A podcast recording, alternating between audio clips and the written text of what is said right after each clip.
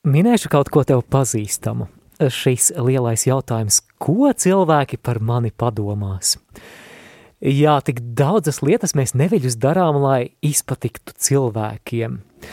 Uzvedamies noteiktā veidā, lai mūs pieņemtu, vēlamies paspīdēt, lai saņemtu uzslavas un tā tālāk un tā tālāk. Un ja nu šī atrašanās citu cilvēku skatienu varā kļūst par šķērsli mūsu garīgajā dzīvēm, Kā no tā izvairīties?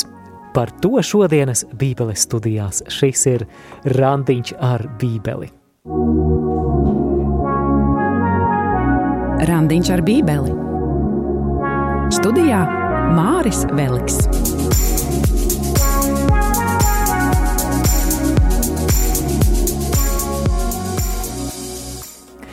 Esi sveicināts, mīļo klausītājs, šeit radio studijā tāda patiešām svinīga noskaņa, jūtam, jūtam, ka tā radio Marija piektā dzimšanas diena teju vai klāt.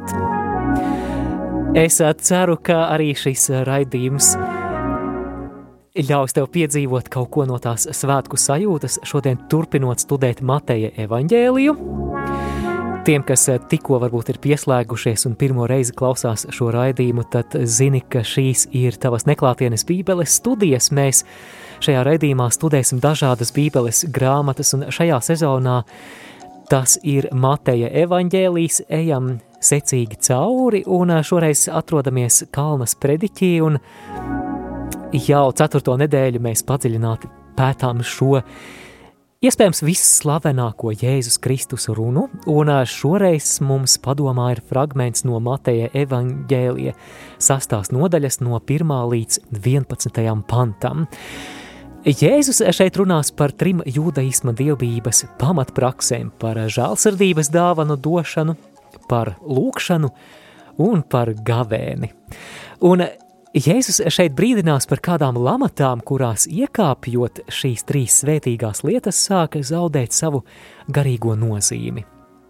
Un jautājums šeit ir šāds.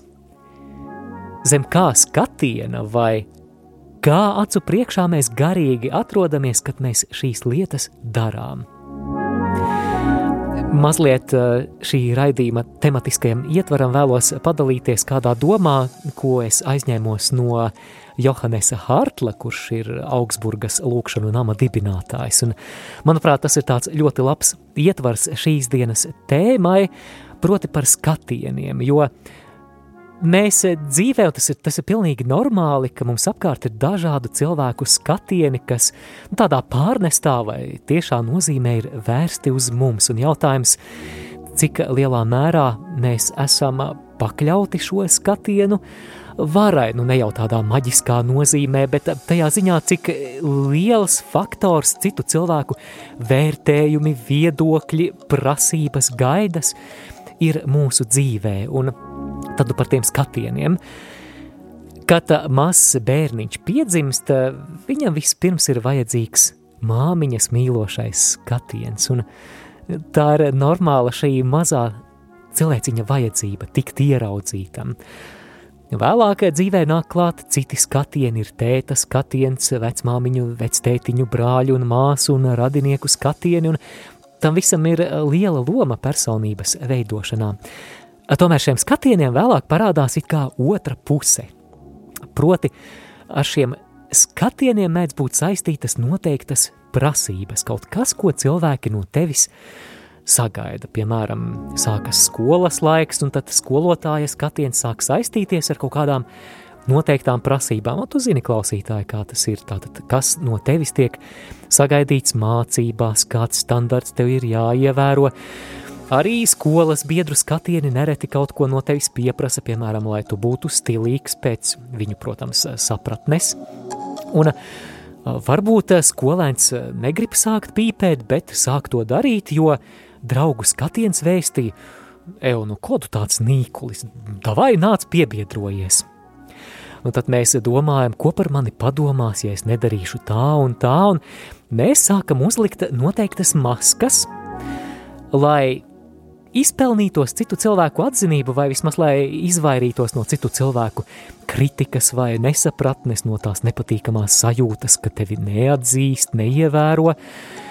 Un kas ir interesanti, arī Johannes Hartls par to runāja, ka, ka nereti kādu cilvēku skatiens mūs turpina pavadīt, pat tad, ja šis cilvēks jau sen ir mūžībā, sen jau miris, un mm, pieņemsim, kāds 60-gadīgs cilvēks var domāt, jā, ko par to teiktu mana mamma.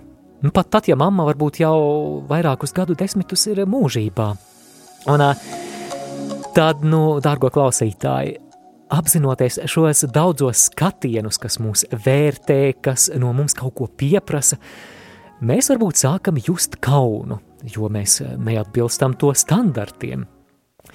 Mēs varbūt pat eh, neapzināti kaut ko darām tā, lai no šiem daudzajiem skatieniem izpelnītos atzinību. Mēs vēlamies, lai mums aplaudē, un tas mums liek sajusties labāk, tas kaut kā baro mūsu pašapziņu. Un Kāds tam sakars ar šodienas evaņģēlīja fragmentu, jo šodienas evaņģēlīja fragments ir lielā mērā stāsts, kā mēs redzēsim par šiem skatieniem.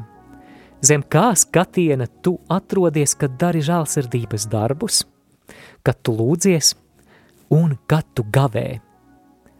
Jautājums, vai tie ir cilvēku skatieni vai, vai kāds cits skatiens, par kuru runās Jēzus.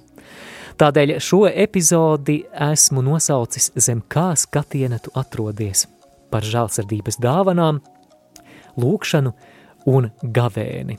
Un teksts ir no Mateja evaņģēlijas 6. nodaļas no 1. līdz 18. pantam, bet pirms mēs studējam šo fragmentu, lūksim Dievu. Dieva tēva un dēla un svētā gara vārdā Āmen. Es lūdzu nāc svētais gars – Lūdzu, nāc mīlestības gars, nāc miera gars, nāc prieka gars, nāc pie viena klausītāja tagad, nāc svētais gars, nāc arī šeit studijā, nāc svētais gars, nāc tu, kas esi iedvesmojis svēto rakstu autorus, nāc svētais gars. Nāc svētais gars, tu, kas mums palīdzi saprast Dieva vārda patiesības un tās izpildīt, nāc svētais gars. Svētais gars, tu esi tas, kas dari mūsu sirdis par auglīgu augsni Dieva vārda sēklai, lai tā nestu labus augļus. Nāc svētais gars. Sagatavo mūs pilnībā uzklausīt to, ko Jēzus vārdi pauž šajā Mateja evaņģēlijā. Nāc svētais gars. Svētā Marija lūdz par mums, Svētais Matei lūdz par mums.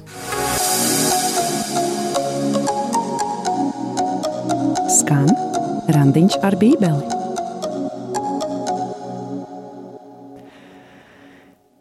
Lasām Mateja evaņģēlija sestās nodaļas pirmo pantu, un ar to arī mēs iesākam studēt sesto nodaļu. Sargieties jūs taisnību rādīt ļaužu priekšā, lai viņi to skatītu. Citādi jums nav nekādas algas pie jūsu debes tēva. Jā, interesanti, kā atšķiras dažādi tulkojumi. Edmunds nolasīja no savas bībeles, un tur ir lietots vārds taisnība. 65. gada revidētajā tekstā ir sargieties, ka jūsu taisnība nav tāda, kas grib spīdēt ļaužu priekšā. Klausītāji šeit man priekšā ir tā saucamais jaunais, jeb 2012. gada tulkojums, un tur ir nevis taisnība, bet labie darbi nolasīšu no jaunā tulkojuma. Sargieties darīt labos darbus cilvēku priekšā, ka tie jūs ievērotu.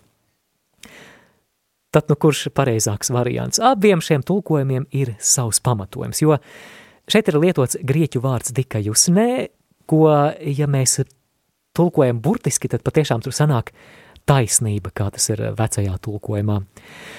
Bet kādā no iepriekšējiem raidījumiem mēs jau runājām, ka Matejs šo vārdu taisnība savā evaņģēlijā pārsvarā lieto nevis tā teoloģiski kā Pāvils, bet viņš, viņš lieto pareizas dieva gribai atbilstošas rīcības jeb darbu nozīmē. Tādēļ 2012. gada tulkojumā šie labie darbi, manuprāt, ir visai labs variants, jo tas paskaidro, ka Matejs par taisnību šeit runā tieši šādā dievbības darbu, jeb labo darbu nozīmē. Un mēs tālāk arī šodienas tekstā lasīsim, kādi tad ir šie labie darbi, proti žēlsirdības dāvanas, lūkšana un gavēnis.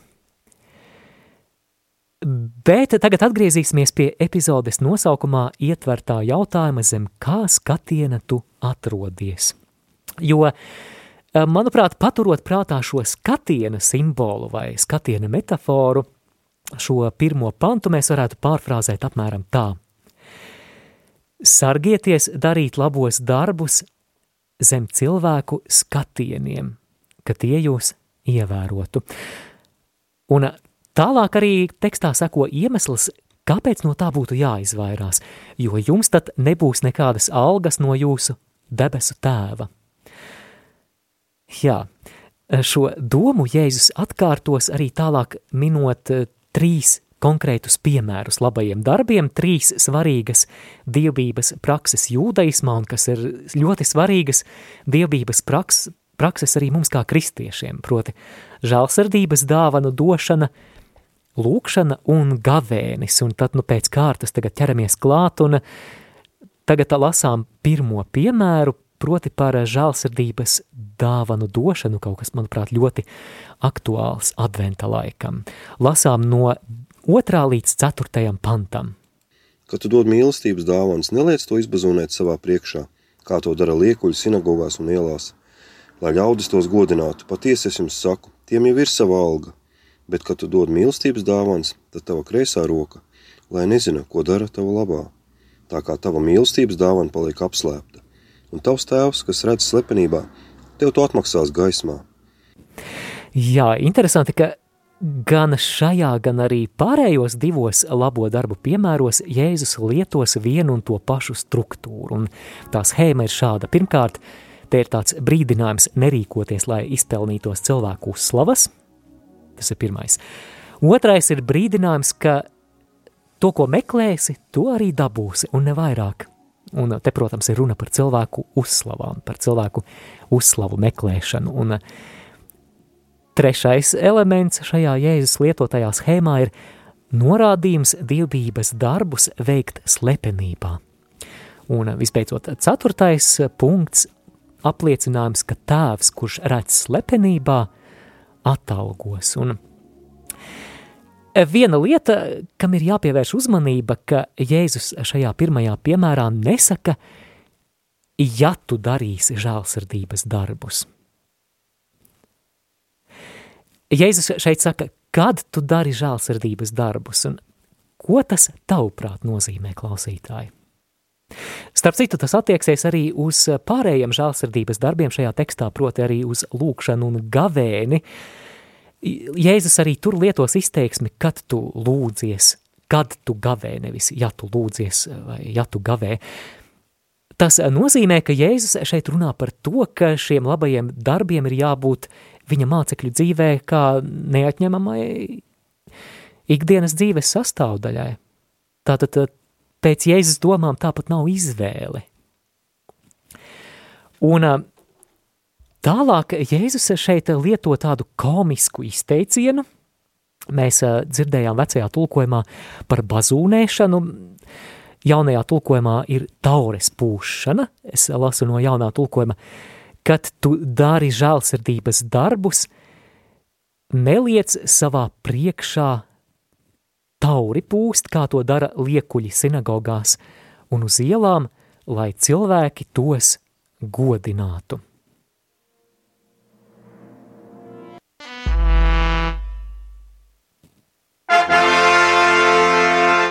Nu, šitas neizklausījās pēc trompetes vai taures. Arī švaka taure. Jā, bet nu, iztēlosimies, ka šeit kāds farizējs vai liekulis pēc žālsirdības dāvanu došanas pūš tauri, lai viņa, uh, apmēram tā, jā, lai viņa darbus pamanītu. Bet, uh, protams, ka mēs saprotam, šeit runa nav par tādu burtisku taures pūšanu. Jo, starp citu, Jēzum ir arī humora izjūta. Varbūt mēs mūsdienās lasām evaņģēliju tekstus kā kaut ko tādu ļoti, ļoti nāvīgi nopietnu, bet patiesībā Jēzus reizēm uzbur mums acu priekšā tādas karikatūras, un šeit ir acu priekšā karikatūra, proti viekulis ir iedevis ubagdāvanu, un ar to viņam nepietiek, tagad viņš, jā, jā, jā, lai tie aplausi būtu, viņš mums priekšā uzbur šo karikatūru, viņš tad pievērš uzmanību, lai šis viņa labais darbs tiktu ievērots, un Jēzus šeit ar humoru vēlas brīdināt no tādas apzinātas uzmanības pievēršanas, jo viņš saka, tā rīkojas liekuļi. Un um, nākamā lieta, par ko es uh, vēlējos šeit arī komentēt par šo vārdiņu liekulis. Sengrieķu valodā šeit ir lietots vārds hipokritēs, ko mūsdienās mēdz tulkot kā liekuli – Bet kas ir interesanti klausītāji, ka hipokritējs tajā laikā nozīmēja arī aktieri. Jā, ko dara aktieris? Aktieris spēlē lomu uz skatuves. Izrādē cilvēku skatieni ir pievērsti viņam. Tātad, dodot žēlsirdības dāvanas, nespēlē teātri. Dari to diskrēti, un Jēzus šeit lieto interesantu metaforu – lai tava kreisā roka nezina, ko labā dara. Un, manuprāt, tas ir labs piemērs tam, ka kreisā roka eh, nezina, ko labā dara, mums atrodams Mateja evaņģēlija 25. nodaļā pēdējās tiesas ainā.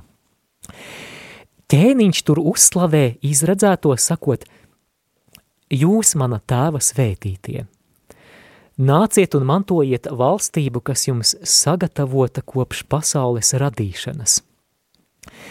Jo es biju izsalcis un jūs devāt man ēst, es biju izslāpis un jūs devāt man dzert. Es biju svešinieks un jūs mani uzņēmāt. Es biju kails un jūs mani apģērbāt. Es biju slims un jūs mani apraudzījāt.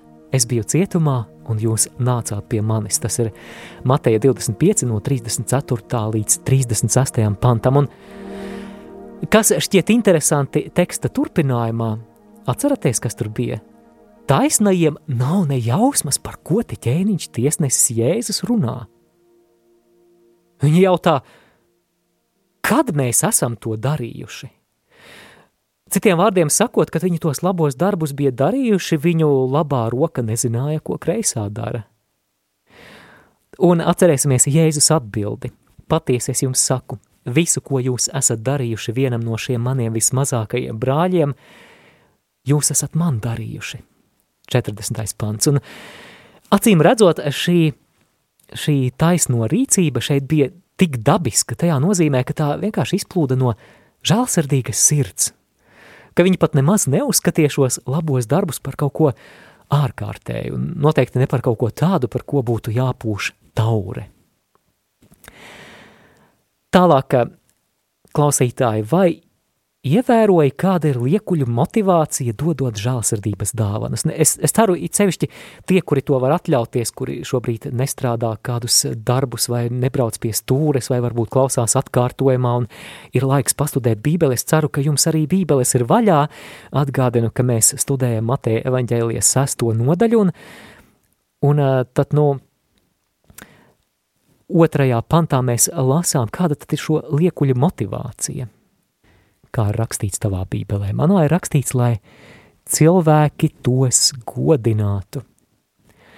Un Jēzus to komentē, patiesi es jums saku, tie jau saņēmuši savu algu.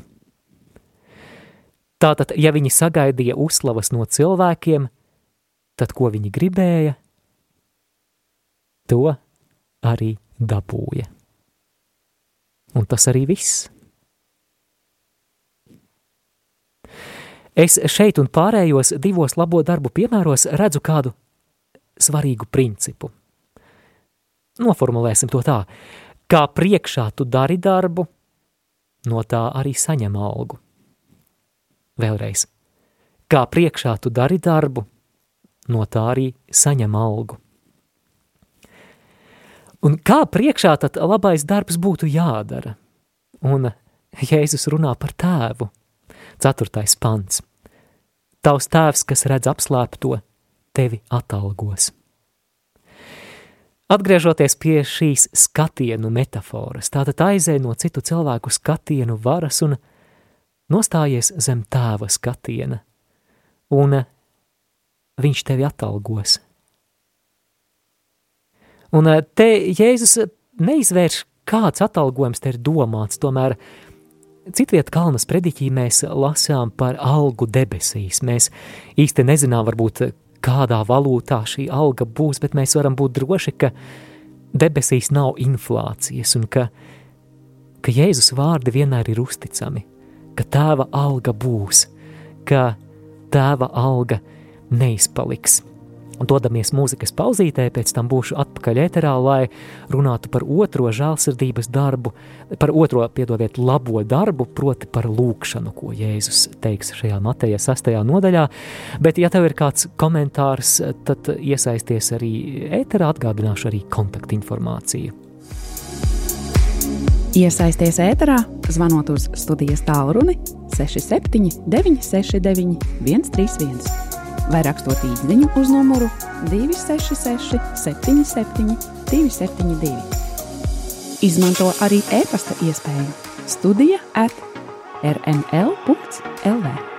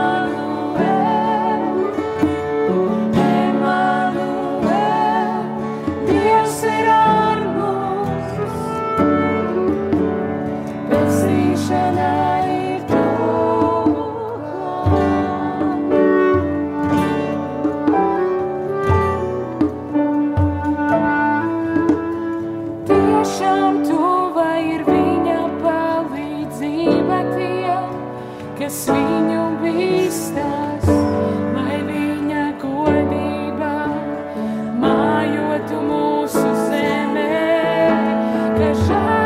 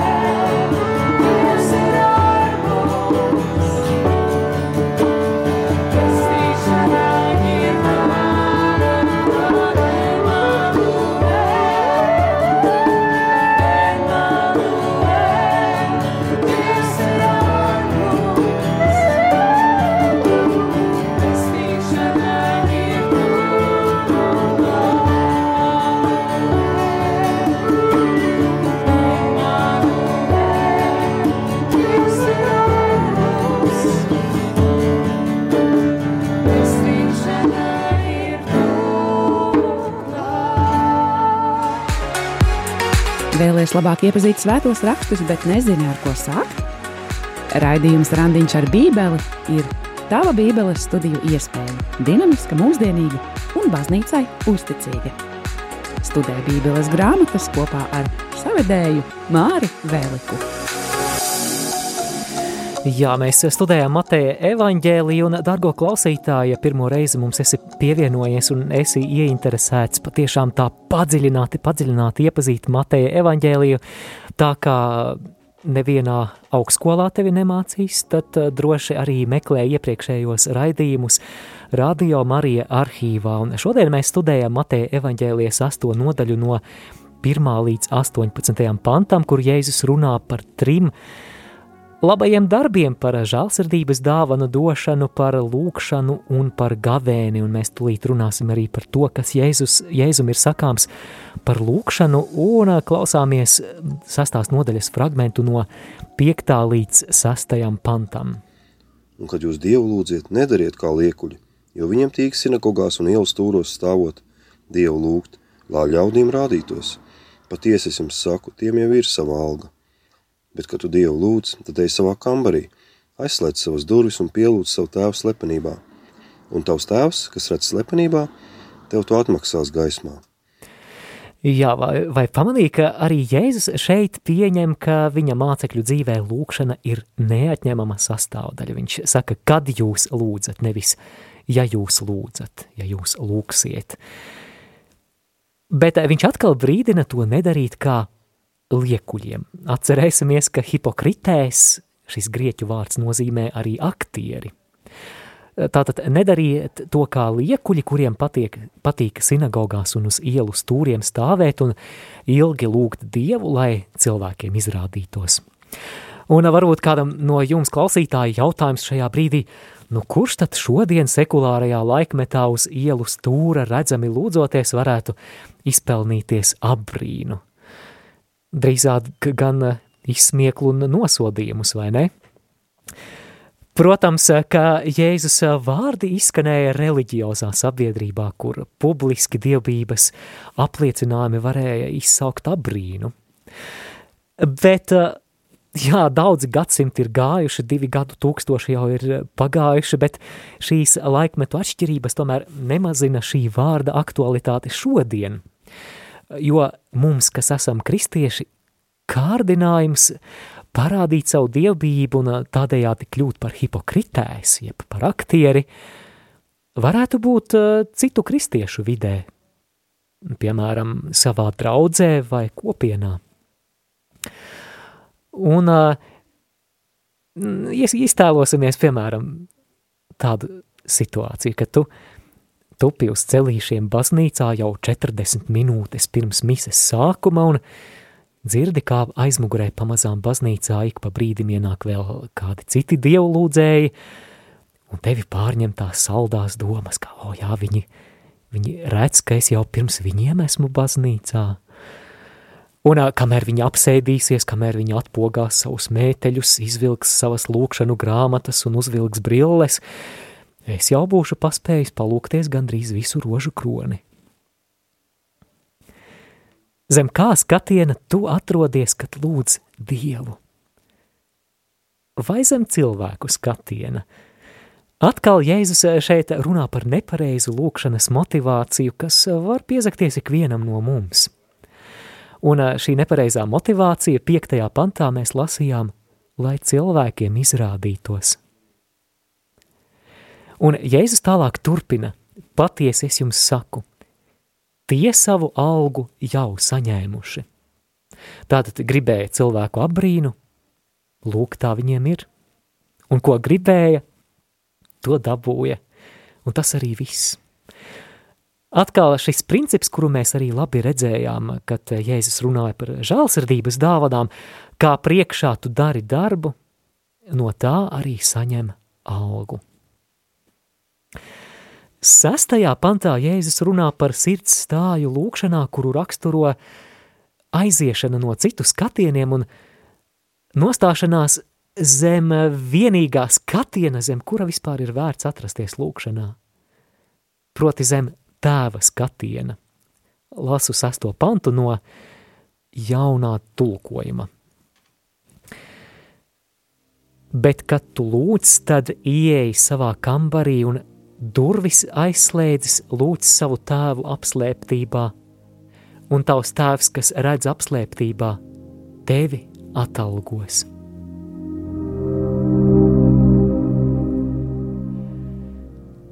Matejs šeit lieto tādu grieķu vārdu tameion, kas iespējams, kā bībeles komentāros es redzu, iespējams tas apzīmē noliktavu, jeb kambari, kas kalpoja kā noliktava. Un bieži vien tajā laikā mājās tā bija vienīgā telpa, kas, ko, kur varēja aizslēgt. Citi atkal komentātori saka, ka tā varētu būt guļamistaba. Lai vai kā, bet šis lūkšanu kambaris tā nav tikai konkrēta fiziska vieta, kur paslēpties un lūgt. Tā ir arī garīgās dzīves literatūrā kļuvusi arī par tādu spēcīgu metaforu savai iekšējai lūkšanu vietai.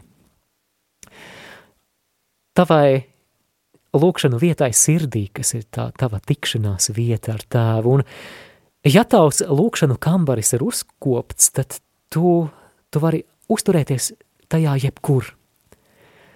Braucot sabiedriskajā transportā, ejot pa ielu vai pat iepērkoties lielveikalā, vienkārši tu ieej savā sirdī, tu aizslēdz durvis un tu baudi laiku zem tēva skatiena. Viņš redz apslēptībā to, ko neviens cits neredz. Un viņš atalgos.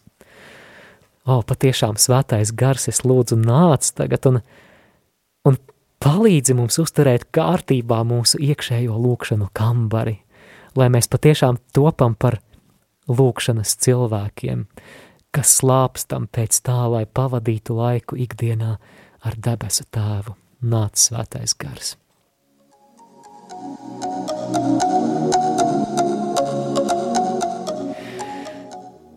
Te vēl piezīme par to, ka Jēzus noteikti ar šiem vārdiem nevēršas pret publisku jeb kopīgu lūkšanu. Noteikti ne, jo noteikti šādu, šādi šos vārdus pirmie kristieši noteikti neuztvēra, jo apustuļu darbu grāmatā mēs vairāk kārt lasām par kopīgu, publisku ticīgo lūkšanu. Runa šeit ir par to, par to dziļāko iekšējo motivāciju, par atzinības nemeklēšanu citu skatienos. No 7. līdz 8. pantam Jēzus eh, mazliet atkāpjas no pirmīt minētās schēmas, kuru viņš lieto runājot par trim dievības praksēm, un te viņš turpina mācīt par lūkšanu, piebilstot, un lasīsim sesto nodaļu no 7. līdz 8. pantam. Bet Dievu lūdzot nepļāpājiet kā pagāni, jo tie domā, ka viņi savas daudzvārdības dēļ tiks uzklausīti. Tad nu netopiet viņiem līdzīgi, jo jūsu tēvs jau zina, kā jums vajag, pirms jūs viņu lūdzat.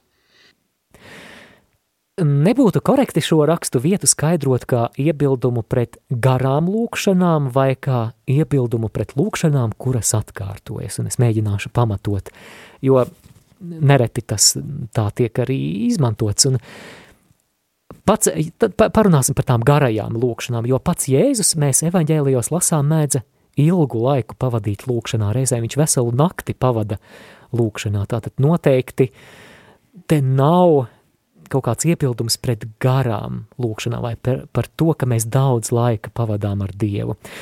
Atcerēsimies, ka Jēzus arī mācīja par nepie, nepieciešamību būt lūkšanā neatlaidīgiem. Citēju no Lūkas 18. nodaļas pirmo pantu, ka vajag vienmēr lūgties un nepagurt. Diez vai tas varētu būt arī iebildums pret lūkšanām, kuras atkārtojas – Mēs Mateja evaņģēlija 26. nodaļā 44. pantā lasām, ka Jēzus pats ģecemanes dārzā atkārtoja lūkšanu, kuru jau bija lūdzis. Un tālāk Jāņa atklāsmes grāmatā mēs arī lasām, ka Dieva troņa priekšā tur notiek tāda nemitīga slavēšana, un dzīvās būtnes Dieva troņa priekšā nemitēja saukt svēts, svēts, svēts ir kungs.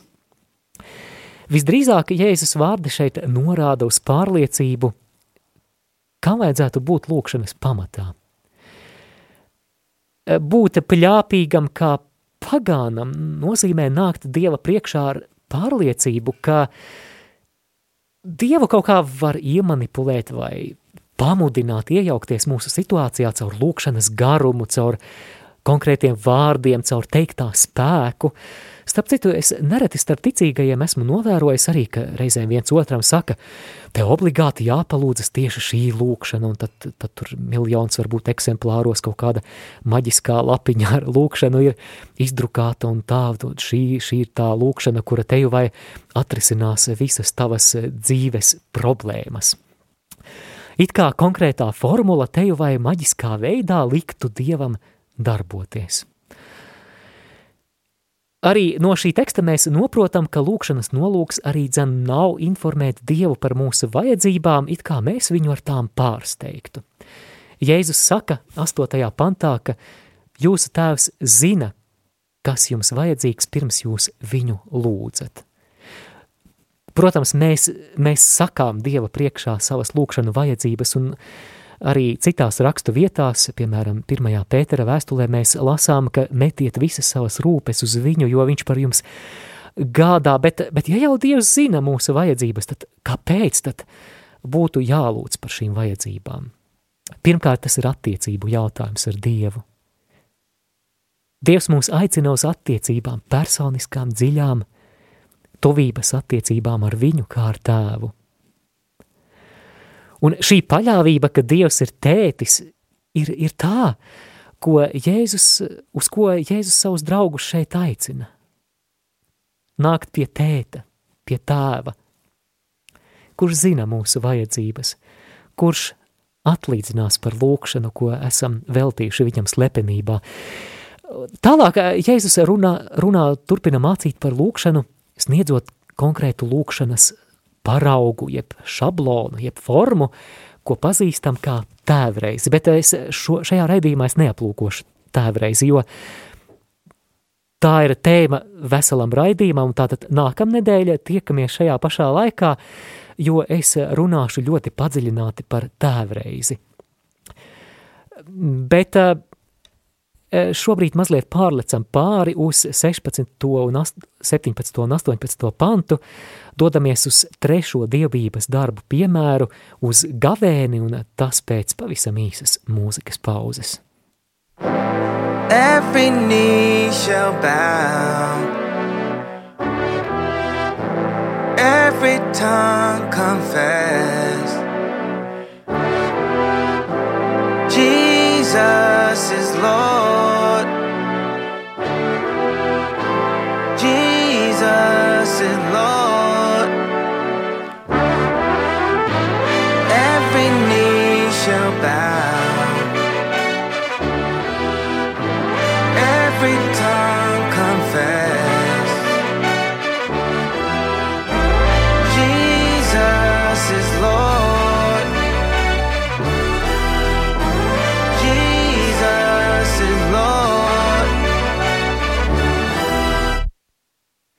Dargo klausītāji, lai man nebūtu tā sajūta, ka es viens pats šeit studijā runāju ar, ar anonīmu mikrofonu, tad priecāšos, ja tev būs varbūt kāds komentārs, varbūt tev ir kaut kas neskaidrs, varbūt kāds jautājums vai, vai kāds priekšlikums, tad droši iesaisties ēterā.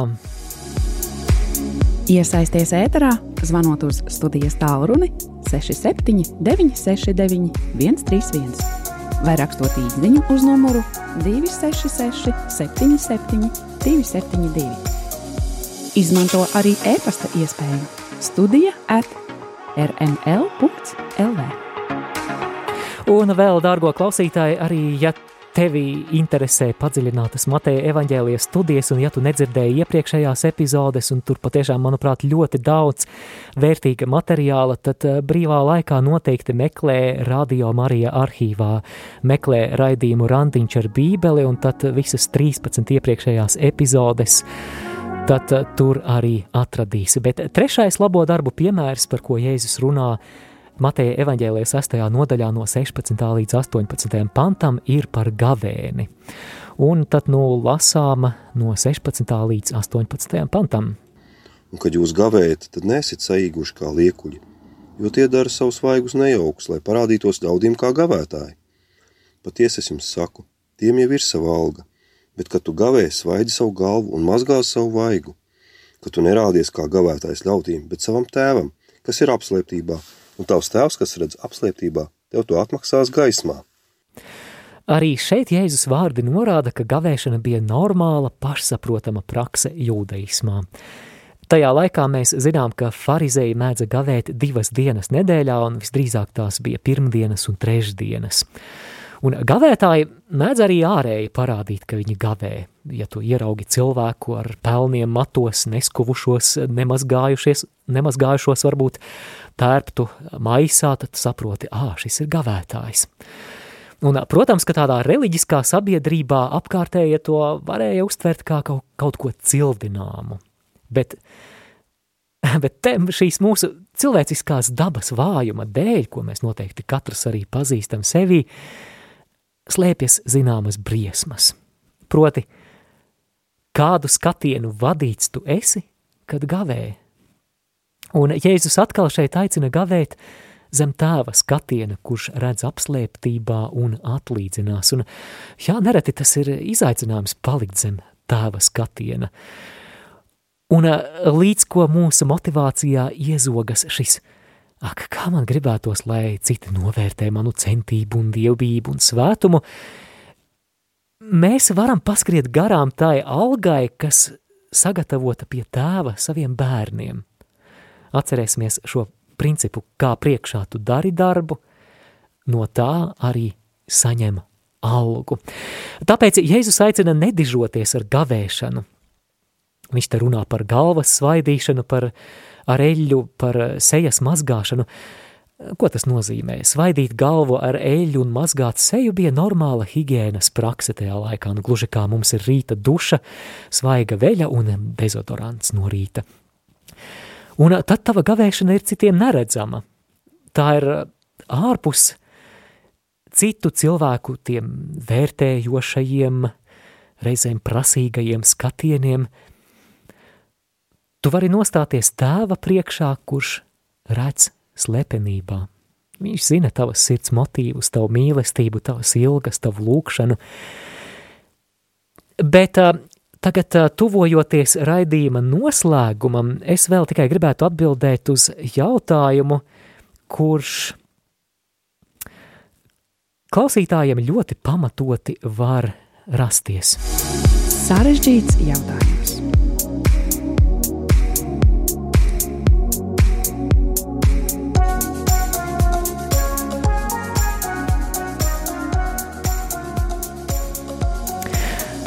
Tiksim galā ar visiem sarežģītiem jautājumiem raidiņ, raidījumā Randiņš ar Bībeli. Un mēs eh, šodienas fragmentā dzirdējām Jēzus aicinājumu savus labos darbus darīt slepenībā prom no cilvēku skatieniem. Un pirms divām nedēļām mēs lasījām Mateja evaņģēlija 5. nodaļu 16. pantu, kur bija teikts, lai jūsu gaisma spīd cilvēku priekšā tā, ka tie redz jūsu labos darbus un godā jūsu tēvu, kas ir debesīs. Tad kā īsti ir, vai, vai lai redz vai neredz tos labos darbus? Vai šeit Jēzus gadījumā nenonāk kaut kādās pretrunās? Pats ar sevi. Tā var šķist tikai virspusēji. Pievērsiet uzmanību, kāda abos kontekstos ir motivācija. Mateja 5.16 ir rakstīts, ka tie redz jūsu labos darbus un godā ko? Godā jūsu tēvu, kas ir debesīs. Jā, var darīt labus darbus ar mērķi pagodināt debesu tēvu. Savukārt šodienas lasījumā tie hipokrīti, jeb liekuļi, dod žēlsirdības dāvanas un lūdzas un gavē kāpēc? Mēs lasījām, ka lai cilvēki tos ievēro. Interesanti, ka gan Mateja evaņģēlija 5.16, kur ir runa par godu atdošanu tēvam, un Mateja 6.2, kur rakstīts par žālsirdības dāvanu došanu, lai cilvēki tos pagodinātu, ir lietots viens, viens un tas pats vārds – doksāzo, jeb pagodināt. Tātad runa ir par mūsu sirds nolūkiem, vai ko tu vēlies pagodināt? Dievu vai sevi? Un šeit ir tā atšķirība un atbilde uz šķietamo pretrunu.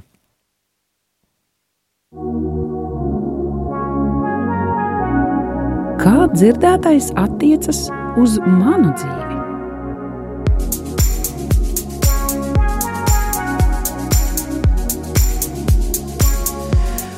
Man nāk prātā divas lietas, ko mēs varam paņemt kā tādu praktisko mācību no šodienas teksta. Mēs runājām par trim dievības praksēm, par žālsirdības dāvanām, par lūkšanu un gavēni.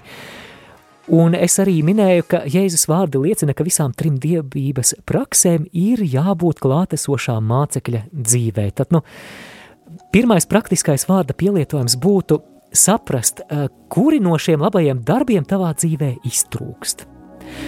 Es pieļauju, klausītāji, ka lielākā daļa no jums, un man ieskaitot, ka mēs tomēr ikdienā lūdzamies. Protams, varbūt arī kādiem no mums šajā jomā ir jāpiestrādā, jāsaņemas. Man ir tādas aizdomas, ka lielākas problēmas šajā trijotnē mums ir ar žēlsirdības dāvanām un gavēni. Varbūt šajā adventa laikā mēs varam piestrādāt pie tiem labajiem darbiem, kuriem esam pievērsuši mazāku vērību. Piemēram, varbūt jau sen mēs neesam atbalstījuši kādu labdarības projektu, varbūt neesam iedevuši kādu upakdāvanu, un tad nu, tā būtu iespēja kļūt par vārda darītājiem, ne tikai klausītājiem. Otrais pielietojums, kas man nāk prātā, mēs runājām par šo skatienu metaforu, un arī kāds klausītājs ir uzrakstījis īziņu. Paldies par atziņu! Atzinību nemeklē cilvēku skatienos. Zem kāda skatiena es gribu būt, un es par to arī vēlos pašā, pašā raidījuma noslēgumā paturpināt. Proti, tāds praktiskais darbiņš vai praktiskais pielietojums varētu būt biežāk atcerēties par tēva skatienu un ieiet tajā, atgriezties šajā tēva skatienā. Piemēram, tad, kad tu nāc pie dieva lūkšanā, vari pavadīt kādu laiku, lai apzinātos, ka tu esi tēva skatienā, ka tu esi šeit un ka šobrīd debesu tēvs uz tevi skatās. Apzinies, ka šeit tu esi pilnīgā drošībā, ka šis skatiens tevi nevis nosoda, nevis vēlas iznīcināt, bet ka tas apstiprina tavu identitāti, ka tas tevi ceļ, ka tas tevi sasilda, ka tas tevi dziedina. Jā, un šis eh, tēva skatiens mūs arī atbrīvo no verdzības citu cilvēku skatieniem, un raidījuma noslēgumā es eh, vēlos lūgt, lai Dievs mums dāvā atklāsmi par šo viņa skatienu nākam Dieva priekšā lūkšanā noslēdzot randiņu ar bībeli. Dieva tēva un dēla un svētā gara vārdā Āmen. Mīļais dabas tēvs, šobrīd tu mūs redzi, tu mūs zini, tu mūs mīli, tu zini, kā mūs sauc, un katrs mats uz mūsu galvas ir tevis saskaitīts, un visas mūsu dienas ir ierakstītas tavā grāmatā, pirms tās visas ir tapušas ļauj mums ienākt tavā skatienā un tajā palikt. Un, kungs, mēs lūdzam, lai uzturēšanā šajā tavā skatienā, šajā tavā drošajā, mīlošajā skatienā, atbrīvo mūs no, no tā briesmīgā jautājuma, ko cilvēki par mani padomās. Jēzus Kristus vārdā Tēvs atbrīvo mūs no šīs varas, atbrīvo mūs no ves neveselīgas pakļautības, citu cilvēku skatieniem. Dāvā mums jaunu atklāsmi par tavu mīlošo skatienu, atklāsmi par tavu bezgalīgo mīlestību un atklāsmi par to, ka mēs esam tavi bērni, par to, kas mēs esam Jēzu Kristu. To es lūdzu par ikvienu radio klausītāju, caur Jēzu Kristu, mūsu kungu. Āmen!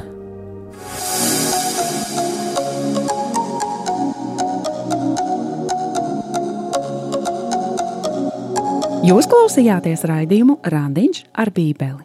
Savas atsauksmes, ieteikumus un jautājumus sūtiet uz e-pastu Randiņš ar Bībeli at gmail.com. Iepriekšējās raidījuma epizodes aicinām meklēt arhīvā.